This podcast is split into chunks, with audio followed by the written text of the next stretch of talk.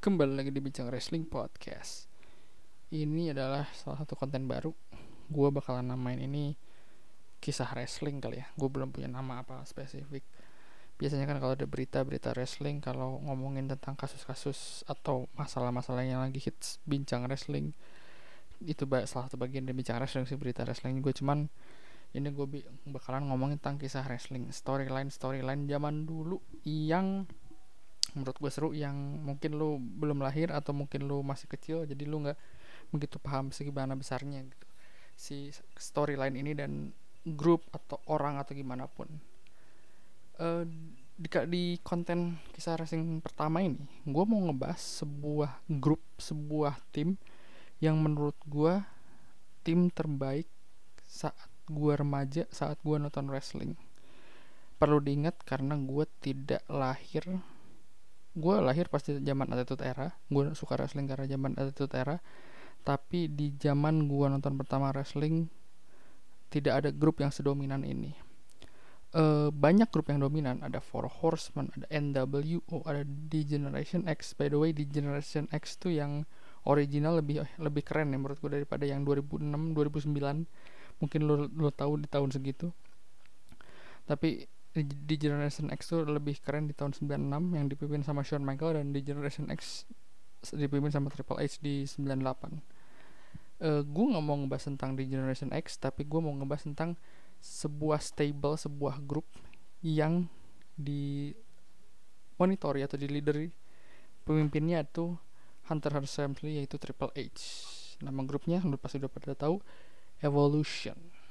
Menurut gue ya si Evolution ini sedikit mirip sama The Shield. Nanti gue bilangin kenapa mirip sama The Shield. Kan The Shield semua empat si Evolution sorry Shield 3 Evolution 4 Enggak juga nanti gue bahas kenapanya uh, itu jadi Evolution ini terbentuk pada tahun 2002 di mana waktu itu masa di mana tahun 2002 itu menurut gue seru tapi WWE lagi lumayan lesu. WWE kehilangan banyak starnya. Orang padahal satu tahun kemarin WWE itu punya star macam Stone Cold macam The Rock. Banyak star dan di tahun itu juga ada Hogan, ada Nash, Kevin Nash, ada Shawn Michael balik lagi. Tapi banyak star yang ternyata tidak works sama sama WWE waktu itu di tahun itu ada The Rock cabut ke Hollywood, Stone Cold cabut karena permasalahan sama sama Vince, Hogan juga sama ada masalah sama Vince karena dia masih berasa di top star, Kevin Nash juga sama. Scott Hall juga dipecat waktu itu. Scott Steiner baru ada di akhir. Terus ada brand split, ada Raw dan SmackDown dan akhirnya di SmackDown dapetin jackpotnya itu Brock Lesnar lu kalau misalnya ngeliat Brock Lesnar zaman 2002 mirip kayak Roman Reigns sekarang Brock Lesnar ngebuat si SmackDown nggak cuma Brock Lesnar sebenarnya cuma Brock Lesnar ngebuat SmackDown jadi wah banget jadi keren banget. Sementara Raw di sini nggak punya nggak punya storyline yang kuat nggak punya orang-orang yang kuat. Raw waktu itu cuma punya Triple H as a heel belum nggak punya top baby face atau top starnya lagi apa gitu. Sementara di SmackDown ada Undertaker waktu itu di pushnya Brock Lesnar juga di uh, di apa di jadi face dia di akhir-akhir tahun. Pokoknya keren banget lah waktu pas zaman 2002 nah waktu itu Triple H kepikiran untuk membuat sebuah stable dan nge-push anak-anak baru. Perlu diketahui 2002 ini adalah kebangkitan dari orang-orang yang dari OVW developmentnya WWE zaman itu. Mungkin kayak sekarang NXT-nya kali ya. Terus Triple H milih beberapa orang dan yang lu harus ketahui dulu Randy Orton Batista itu nggak temenan. Ya temenan cuman nggak sahabatan gitu nggak nggak dekat banget terus Triple H juga akhirnya milih oke okay, gue mau bi milih mau bikin stable uh, past present and future gitu. Pastnya itu Ric Flair karena uh, Triple H juga salah satu yang ngefans sama Ric Flair. Terus presentnya itu ya Triple H buat zaman itu dia masih top starnya. Dan future dan dia ngelihat banyak banget orang. Terus dia ngelihat natural talentednya dari Batista dan Randy Orton dan kita harus appreciate sama Triple H untuk mata dia ngelihat talenta baru itu menurut gue keren banget. Karena iyalah kalau lu bisa mikir Randy Orton segitu kerennya ya nggak juga zaman dulu tuh Randy Orton nggak nggak jelas dia apa. Batista juga sama jadi tukang kotak amannya Devon sama Devon gitu. Jadi nggak jelas mereka berdua apa tapi Batista eh sorry Triple H udah ngeliat talenta dari Randy Orton dan Trip, uh, Batista terus dia akhirnya jadiin si mereka berdua ini stable evolution. Waktu itu di akhir-akhir uh, 2002 di Armageddon Batista udah mulai ini eh sorry sebelumnya juga udah mulai cuman kendalanya waktu itu si Randy Orton patah tangan kalau salah. Ya patah tangan di akhir-akhir 2002 itu patah tangan nggak nggak sempet. Jadi akhirnya Batista duluan. Terus akhirnya di form bener-bener di form Evolution nama-nama Evolution dan mereka berempat itu pas di Februari sebelum No Way Out 2003 tapi kendala lagi mereka berdua punya match sama Dudley Boys kalau nggak salah. Dan match itu match terburuk menurut Batista menurut Randy Orton juga. Dan si si Batista dan Randy Orton sama-sama cedera pada match itu. Jadi mereka harus sembuhin dulu dari cederanya dan evolution depending dari situ. Terus sempat mau ada pergantian waktu itu karena si Batis uh, Randy Orton sembuh duluan. Akhirnya dia si Randy Orton debut balik lagi ke OWE itu 2000 Juni kalau salah. Juni 2003 akhirnya Triple H Form Evolution dan vignette-nya atau apa video di di di layar gitu tim songnya itu bertiga. Tapi waktu itu syutingnya karena Batista belum sembuh lagi proses penyembuhan itu Batista uh, sempat mau diganti sama Mark Jindrak. Yang mana si Mark Jindrak ini sahabat dari Randy Orton pada zaman itu. Tapi Triple H nggak suka banget sama Mark Jindrak karena dia ngeliat ah ini mah orang nggak nggak bisa nggak bisa dijual gitu. Sementara kalau Randy Orton bisa dijual banget Batista bisa dijual banget si Mark Jindrak enggak tapi Randy Orton nggak ini Mark Jindrak bagus nih muda sama sama segala macam gitu. Terus dia nggak sukanya juga Randy Orton deket sama Mark Jindrak karena Randy Orton jadi orang yang goofy. Kalau goofy itu kayak kayak pecicilan lah petakilan gitu. Sementara dia tuh pengennya Randy Orton yang benar-benar fokus serius legend killer lah. Dalam tanda kutip saya di yang uh, songong apa gitu loh. Dia pengen karakter itu ada di balik layar dan di depan layar gitu makanya si Triple S nggak begitu suka. Akhirnya sempat ada rekaman video mereka berempat bukan Batista itu Mark Jindrak tapi uh, Triple S tetap udah kita syuting aja bertiga. Terus akhirnya mereka syuting bertiga terus Mark Jindrak juga udah ngerasa oh ya gue nggak bakal kepilih. Tapi akhirnya dan ah dan sampai sekarang nggak ada gitu Mark Jindrak di dalam uh, member dari Evolution. Udah gitu dari si Evolution berjalan Batista akhirnya sembuh sembuh di akhir 2003 November 2000, 2003 dan dari situlah full murni Evolution terbentuk gitu berempat sesuai dengan konsep awal sesuai dengan konsep Triple H. Dan Triple H juga sebenarnya Triple H tuh nggak cuma pengen nge-push dari si Randy Orton dan Batista sebagai the future of the company tapi pengen nge-push juga orang-orang masa di PES yang udah nggak yang nggak yang sekarang orang nggak begitu kenal ya kayak Ric Flair gitu.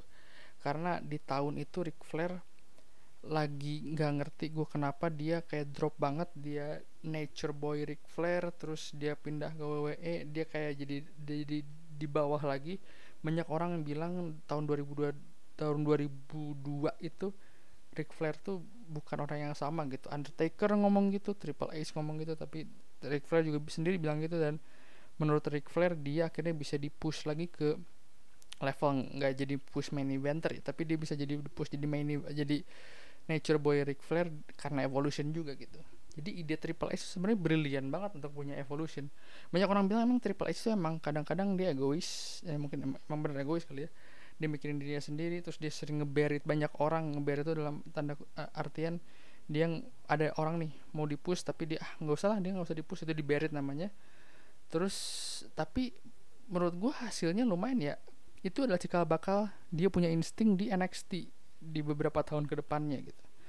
Terus dari Desember 2003 Armageddon 2003 oh itu itu adalah puncak karir di mana Evolution menangin semua title. Triple H menangin uh, eh, gue dari pertama dari pertama Intercontinental Champion Randy Orton menangin dari RVD terus Batista dan Ric Flair menangin tag team champion dari Bradley Boys dan itu surprise surprise and kayak tag team turmoil terus akhirnya Batista dan Ric Flair nggak di nggak ada di tim nggak ada di list tim tapi tiba-tiba ada ada mereka. Terus nextnya Triple H menang lawan Goldberg dan Kane. Triple Threat World Heavyweight Champion build gold belt akhirnya Triple H menang dan di ending si Armageddon itu semua angkat tangan dan angkat beltnya gitu. Masa puncak kejayaan si Evolution di Armageddon 2003 dari situ Evolution merajai WWE dari situ dari dari Royal Rumble 2004 yang terus dari di WrestleMania 20 2004 di mana Evolution itu Randy Orton Batista sama Ric Flair lawan The Rock dan Mick Foley. Terus sampai pertengahan tahun 2004 orang-orang yang udah mulai kelihatan itu gair apa untuk kelihatan kayak dia di mid card udah mau masuk ke main eventer itu sebenarnya udah kelihatan sama Randy Orton. Karena Randy Orton udah kelihatan dia punya miking yang bagus, dia punya skill yang bagus, dia jadi juara Intercontinental Champion bagus gitu. Dan gue kalau ngeliat Randy Orton tuh kayak sekarang kayak siapa heelnya tuh bagus banget lah. Dan gue ngeliat wah ini emang gue suka Randy Orton waktu itu 2004 dan emang ini potensial banget. Bahkan menurut gue dia lebih potensial daripada John Cena pada zaman itu pas jadi baby face nya pas jadi world championnya gitu. Tapi dia menjadi uh, world heavyweight champion termuda 2024 Brock Lesnar waktu itu 25 dan dan mungkin WWE kenalnya sama oh, uh, World Heavyweight Champion Big Gold kali ya. Big Gold ini dia menangin dari Chris Benoit yang sampai sekarang nggak bisa dimention sama WWE karena Chris Benoit masalah nanti gue bahas episode kisah wrestling lain lah tentang Chris Benoit. Terus si Randy Orton menang dan banyak orang bilang wah ini belum siap nih ini belum siap ini belum siap ini belum siap gitu. Banyak orang bilang dan dan di Orton emang cuma satu bulan menangin World Heavyweight Champion direbut lagi sama Batista uh, sorry Triple H di Un Unforgiven 2004 gue waktu pas zaman itu gue seneng banget Randy Orton menang World Heavyweight Champion. Tapi pas gue nonton lagi zaman itu emang Randy Orton belum bisa membawa World Heavyweight Champion menurut gue untuk ini kasus ini mirip mirip sama John uh, sorry Dean, Dean Ambrose menangin WWE Champion mirip kayak Adam Page menangin World Heavyweight Champion bukan karena orangnya nggak pantas tapi kayak belum belum pantas untuk jadi main eventer karena main eventer kan yang, yang ditunggu kan. Kayak kita lihat kayak Triple H bertahun-tahun dia jadi main eventer tapi pantas gitu untuk jadi main eventer. Dan sebenarnya proyeksinya itu sebenarnya Triple H sudah ngeproyeksiin Batista duluan yang untuk jadi top top guy di WWE gitu bukan Randy Orton. Karena dia tahu Randy Orton tuh udah dia lebih muda kan. Waktu itu Batista kalau udah, udah 30 Randy Orton masih 24 udah Orton masih muda terus dia tuh kayak marah-marah nggak jelas gitu suka kan uh, wah dia suka terus kayak anak-anak. Dia kan pernah di, di militer juga terus dikeluarin secara tidak hormat dari militer Orton jadi udah kelihatan lah ini bocah nih yang banyak masalah gitu. Dan dia konsumsi drugs juga kan waktu itu. Nah terus uh, tahun 2004 itu waktu Randy Orton menangin World Heavyweight Champion Randy Orton dipush jadi face. Akhirnya dia dikeluarin dari Evolution. Ini mulai-mulai tadi Armageddon 2000 akhir 2003 itu puncak kejayaan ini adalah puncak downside-nya dari Evolution. Terus dikeluarin sama Evolution jadi Evolution bertiga uh, Batista Ric Flair dan Triple H. Triple H menang lagi World Heavyweight Champion Armageddon. Dan dari situ udah mulai di build up untuk Triple H lawan Batista. Mulai-mulai kelihatan Batista itu namanya udah di, mulai dinaikin sama WWE mulai mulai mulai uh, apa Batista tuh kayak di menjadi seorang pesuruh oleh Triple H kelihatan kan kayak MJF dan Wardlow yang sekarang di AEW tapi emang wrestling pasti ada. Ada Diesel dan Shawn Michael ada Batista Triple H ada MJF dan Wardlow. Terus udah mulai-mulai ini mulai-mulai ini Randy Orton jadi face dan face-nya Randy Orton 2004 menurut gue jelek banget. Wah jelek banget lah si Randy Orton emang udah udah bagusnya heel waktu zaman itu. Jelek banget ya zaman heel. Terus Randy Orton nggak pernah dapat World Heavyweight Champion lagi sampai 2005 kalau nggak salah. Dia 2005 juga nggak dapat 2000 2000 ya 2005 nggak dapat 2006 2007 baru dapat dia World Heavyweight Champion lagi. Tapi nanti gue jelasin sebenarnya nggak apa-apa juga gitu di situ udah mulai build up salah satu match yang seru menurut gue itu waktu di Survivor Series. Ini menurut gue salah satu storyline yang underrated jarang dibahas sama WWE Survivor Series jadi ceritanya tentang tim Orton Randy Orton but Randy Orton Chris Jericho Randy Orton Chris, Jericho, Chris Benoit sama Maven lawan Triple H Gene Snitsky H sama Batista. Jadi empat lawan empat kalau satu orang eh, sa satu tim bisa menang satu orangnya bakalan jadi general manager selama satu hari dalam empat minggu ke depan gitu. Storylinenya si Eric Bischoff cabut dari WWE untuk liburan selama sebulan. Storylinenya kayak gitu jadi seru lah. Nah akhirnya di di di di Survivor Series itu udah mulai di bumbu-bumbu Batista dan Triple H uh, pertikaian-pertikaian akhirnya dimenangin sama tim Orton.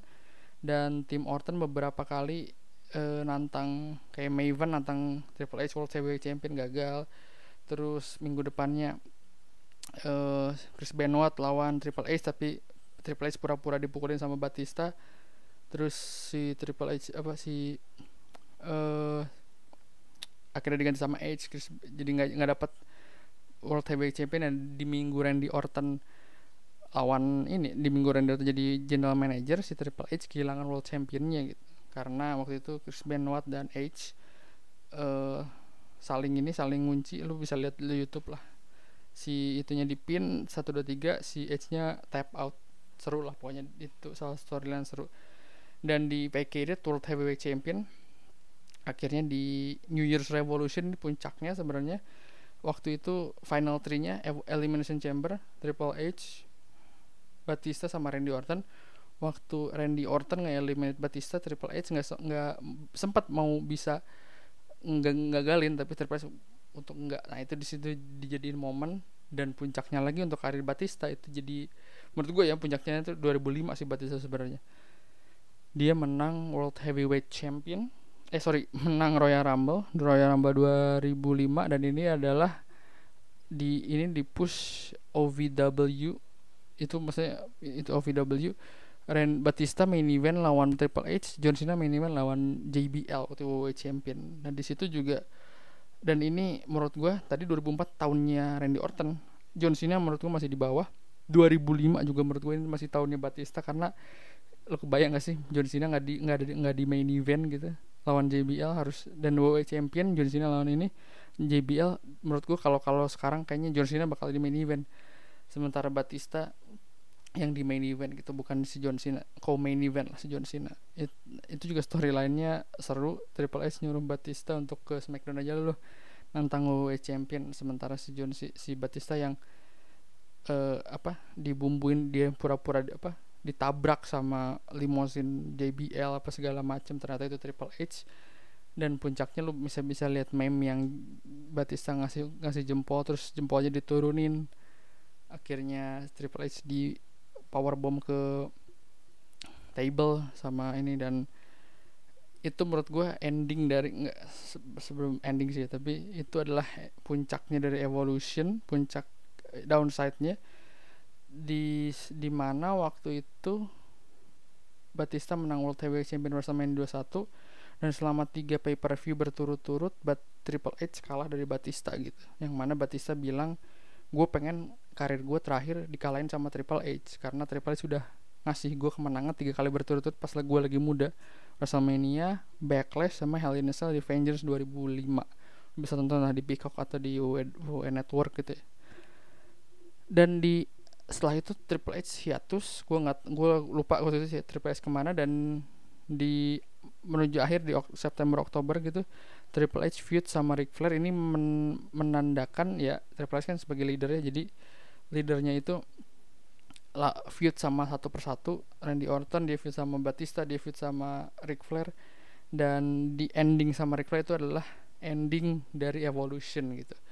Evolution tapi sempat ada lagi tahun 2014 lawan The Shield tapi nggak uh, eh, gue bisa bilang nggak apa ya nggak nggak lengkap karena Ric Flair nggak ada dan Ric Flair juga kayaknya masih baby face dia mau nge-push si Charlotte waktu itu kalau nggak salah. Jadi nggak ada akhirnya um, cuma bertiga menurut gue kurang. Dan sebelum bat sebelum pertandingan Batista sama Triple H itu ada reuni bat di SmackDown 1000 kalau salah. Itu terakhir Evolution Batista Randy Orton Ric Flair sama Triple H. Tapi menurut gue ya emang segmen Evolution harus punya segmen sendiri. Dan menurut gue kalau misalnya Hall of Fame sih wah gue setuju banget lah. Karena dari segi dari segi apa namanya stable tuh kuat banget itu tadi gue mau bilang sempat kena, kenapa karena mirip The Shield karena emang tadi gue bilang akhirnya Evolution bertiga juga kan jadi kayak kayak mirip The Shield kan. Terus semua membernya itu jadi World Champion. Di X tuh cuma jadi World Champion cuma Shawn Michael dan Triple H dan ya kita no disrespect buat para Hall of Famer kayak Road Dogg, Billy Gunn, X-Pac gitu tapi mereka tuh nggak selevel gitu sama Triple H dan Shawn Michael kita lihat NWO Hulk Hogan, Kevin Nash, Razor Ramon, almarhum. Ya mungkin X-Pac tapi gue nggak nganggap si X-Pac sih. Tapi ya bertiga inilah. Ya Razor Ramon tuh meskipun mereka satu level ya tapi Razor Ramon tuh nggak pernah jadi world champion gitu sayang. Yang dulu ada Four Horsemen juga eh, nggak uh, nggak satu level gitu. Sementara si si evolusi ini benar-benar satu level. Satu levelnya dalam artian ya mereka sama-sama top star gitu meskipun beda zaman tapi sama-sama top star ya Ric Flair tahun 80 Triple H 90 sama 2000 awal Randy Orton Batista 2000 ke sini gitu. Jadi mereka sama-sama top star. Dan ini mirip kayak kayak The Shield cuman The Shield le, versi lebih satu satu angkatan semuanya. Roman Reigns, Seth Rollins, John Moxley, mereka bertiga itu satu angkatan dan menurut satu level gitu mereka. Mau orang bilang Roman Reigns di topnya sekarang tapi menurut gue mereka satu level gitu beda sama ya lu kelihatan lah ya kayak X Pac sama Triple H atau Shawn Michaels sama Billy Gunn kelihatan kan levelnya beda gitu dari segi level ke wrestling apa superstarnya gitu. Terus dan menurut gue karir sampai saat ini yang menjadi tulang punggung WWE salah satunya itu Randy Orton dia mungkin kalah dan juga cuman dapat world champion cuma sebulan karena dia belum siap. Tapi kita lihat sekarang dan dia baru ngepost aja dia dia itu adalah orang pertama yang uh, enter WrestleMania sebagai WWE champion terus sebagai Intercontinental sebagai United States sebagai Raw sama SmackDown apa ya sebagai tag team champion gitu. Dan dia juga udah 14 kali World Heavyweight Champion WWE World Heavyweight Champion gitu. 14 kali loh. Triple H 13 Batista nggak sampai belasan kalau nggak salah Batista uh, John Cena sama kayak Ric Flair 16 dan yang paling deket emang cuma Randy Orton yang untuk untuk uh, nge-break si Ric Flair gitu. Tapi nggak tahu ke depannya gimana Pak Randy Orton bakal nge-break si Ric Flair atau tetap aja jadi 14 atau mungkin 15 kali ya. Jadi gitu karir evolution lo misalnya kalau misalnya abis denger ini lo mau cek evolution gimana salah satu stable terbaik menurut gue dibanding NW karena gue nggak ngikutin zaman NWO dibanding di X gue juga nggak ngikutin. Tapi gue nonton setelahnya dibanding siapa sekarang. Inner Circle uh, menurut gue masih belum satu level ya. Kayak ya gue gak ngeliat kayak Jake Hager dan Sammy Guevara gitu. Kalau misalnya mereka satu semua satu level sih mungkin oke okay lah. Tapi ya, ya gitulah. Ya udah gitu ya gue sampai ketemu di bincang wrestling podcast dan kisah wrestling berikut